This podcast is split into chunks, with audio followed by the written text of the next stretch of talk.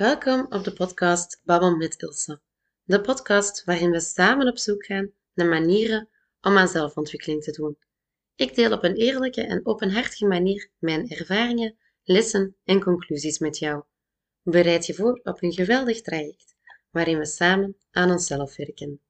Hallo, Ilse Kolkes hier, jouw host van de podcast Babbel met Ilse. We zitten vandaag aan dag 15 van de 28 dagen durende dankbaarheidsoefeningen van The Magic, geschreven door Rhonda Byrne. Het is vandaag dus dag 15 en de opdracht is heel op magische wijze je relaties. Ik zei gisteren al dat dit een heel belangrijk is geweest voor mij toen ik de Magic de vorige keer deed.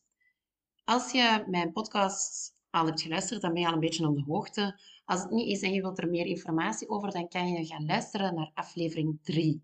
Daar vertel ik er nog meer in diepte over wat het, uh, wat er juist is gebeurd en hoe ik het heb opgelost of hoe ik het ook moet noemen. Ik zal even kort kaderen. Ik heb geen contact meer met mijn ouders. Door een aantal omstandigheden waar ik verder niet in detail uh, ga ingaan, want er zijn twee kanten van het verhaal natuurlijk, is het niet meer mogelijk voor mij om contact te houden. En ik heb daar heel lang, ben daar heel lang triestig om geweest en een beetje boos en, en dat schuldig genomen. Ik kon hen dat niet vergeven en ik kon het ook niet vergeten. Ik dacht ook van zodra dat je iemand vergeeft, dat je dan eigenlijk het goed praat, dat je het goedkeurt wat er is gebeurd. En dat wou ik echt niet. Maar dan kwam eh, de oefening van vandaag en ben ik het op een heel andere manier gaan bekijken. Ik eh, neem je even mee in de oefening. Ronda schrijft, als je een slechte of stuk gelopen relatie hebt, een gebroken hart of wrok tegen iemand koestert of iemand anders verantwoordelijk voor iets houdt, kan je daar met dankbaarheid verandering in brengen. Dankbaarheid zal elke moeilijke relatie op magische wijze verbeteren, of die persoon nu je man of vrouw, broer of zus, zoon of dochter, partner, baas, collega, wat dan ook is. Als we met een moeilijke relatie worden geconfronteerd of met een lastige situatie in een relatie, zijn we de ander in bijna alle gevallen absoluut niet dankbaar. In plaats daarvan geven we de ander de schuld van de problemen die er zijn. En dat betekent dat dankbaarheid ver te zoeken is. Door elkaar verwijten te maken, zal een relatie nooit verbeteren en je leven zal er nooit beter door worden. Het is zelfs zo dat hoe meer verwijten je maakt, hoe slechter de relatie wordt en hoe slechter je leven wordt. Of het nu gaat om een huidige relatie of om een vroegere relatie, als je wrok koestert jegens iemand, zal dankbaarheid die gevoelens laten verdwijnen. Een quote die bij mij heel hard is binnengekomen, is het volgende. Uzelf vastklampen aan kwaadheid is als het oprapen van een heet kooltje met de bedoeling dat naar iemand anders te gooien. U bent degene die zich verbrandt. Dat is een quote van Gautama Buddha, de grondlegger van het boeddhisme. Ik ga hem nog even herhalen, omdat ik hem zo belangrijk vind. Uzelf vastklampen aan kwaadheid is hetzelfde als het oprapen van een heet kooltje met de bedoeling dat naar iemand anders te gooien, zodat die zich zou verbranden, maar uiteindelijk ben jij de enige die zich verbrandt. Door wrok te houden, brand je je eigen leven. Ook als je een gebroken hart hebt of verdrietig bent omdat er een einde aan een relatie is gekomen, kan je de kracht van dankbaarheid gebruiken om je pijn te doen verminderen. Dankbaarheid is de snelste manier om emotionele pijn te laten verdwijnen en weer gelukkig te zijn. Kies een moeilijke, problematische of verbroken relatie die je wil verbeteren. Het maakt niet uit of die persoon nog in leven is of dat het om een vroegere relatie gaat en je die persoon nooit meer ziet. Ga zitten en maak een lijst van 10 dingen waarom je de persoon die je hebt uitgekozen dankbaar bent. Denk terug aan hoe de relatie was en maak een lijst van alle dingen die je zo geweldig vond aan die persoon of van alle geweldige dingen die je uit de relatie hebt ontvangen. Je kan dat gemakkelijk doen door terug te denken aan je relatie voordat die verslechterde of werd beëindigd. Als een relatie nooit goed is geweest, Probeer dan te bedenken welke goede eigenschappen die persoon had. Bij deze oefening gaat het er niet om wie gelijk heeft of niet. Wat iemand je volgens jou ook heeft aangedaan, wat iemand ook heeft gezegd tegen jou of heeft nagelaten, jij kan de relatie herstellen en daar heb je de andere niet bij nodig. In elke relatie is wel iets goed te vinden. En om rijkdom in al je relaties en in je leven te brengen, moet je proberen te zoeken naar dat goede. En als je gaat graven, vind je zeker wel iets. Noem het op, zeg de naam van de persoon en zeg dan ik ben je dankbaar voor. puntje, puntje, puntje.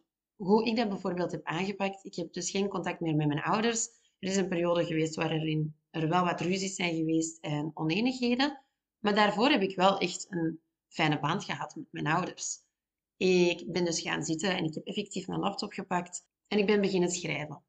Ik heb gezegd, dank je mama en papa voor de goede opvoeding die ik heb gekregen. Dank je om mijn waarden en normen te leren. Dank je dat ik een opleiding heb kunnen volgen.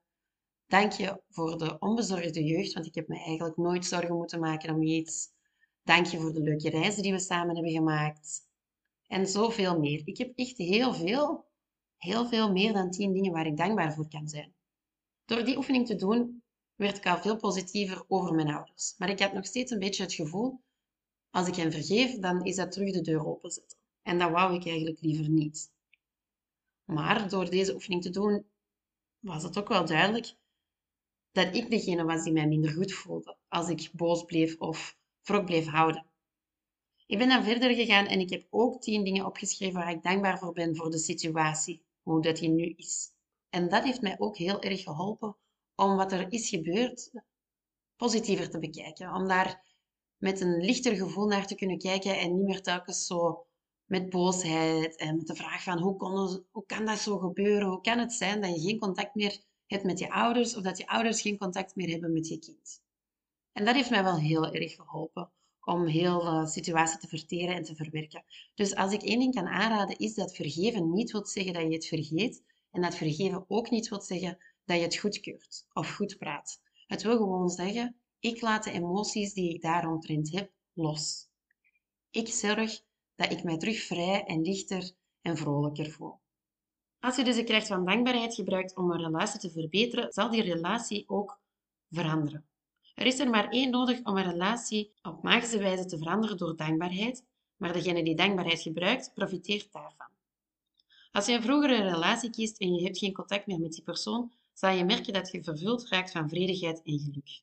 En tegelijkertijd zal je zien dat alle huidige relaties ook gaan verbeteren. Ik kan dat echt wel bevestigen dan eigenlijk. Het is een relatie waar ik geen contact meer heb en ook niet meer in wil, maar door eigenlijk die situatie anders te gaan bekijken en dankbaar te zijn voor die personen, namelijk mijn ouders dus, heb ik een veel vrediger en gelukzaliger gevoel over mij heen gekregen.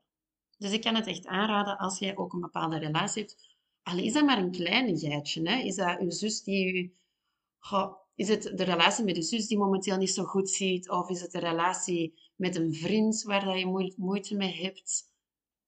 Ook al is dat niet iets heel groots, je kan elke situatie die je een beetje wilt verbeteren, elke relatie die je een beetje wilt verbeteren, gebruiken.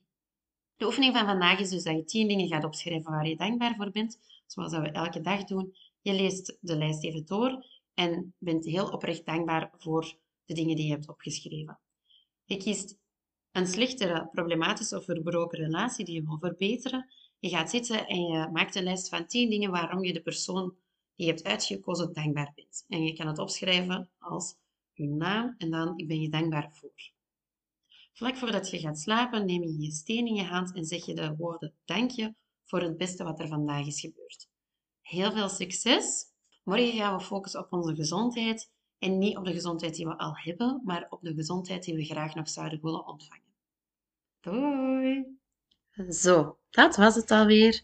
Heel erg bedankt voor het luisteren van deze aflevering. Wil je me helpen om meer mensen te bereiken? Laat dan een score of review achter of druk op de knop volgen. Wil je ook graag weten wat ik in het dagelijks leven doe of wil je graag nog meer tips of informatie krijgen?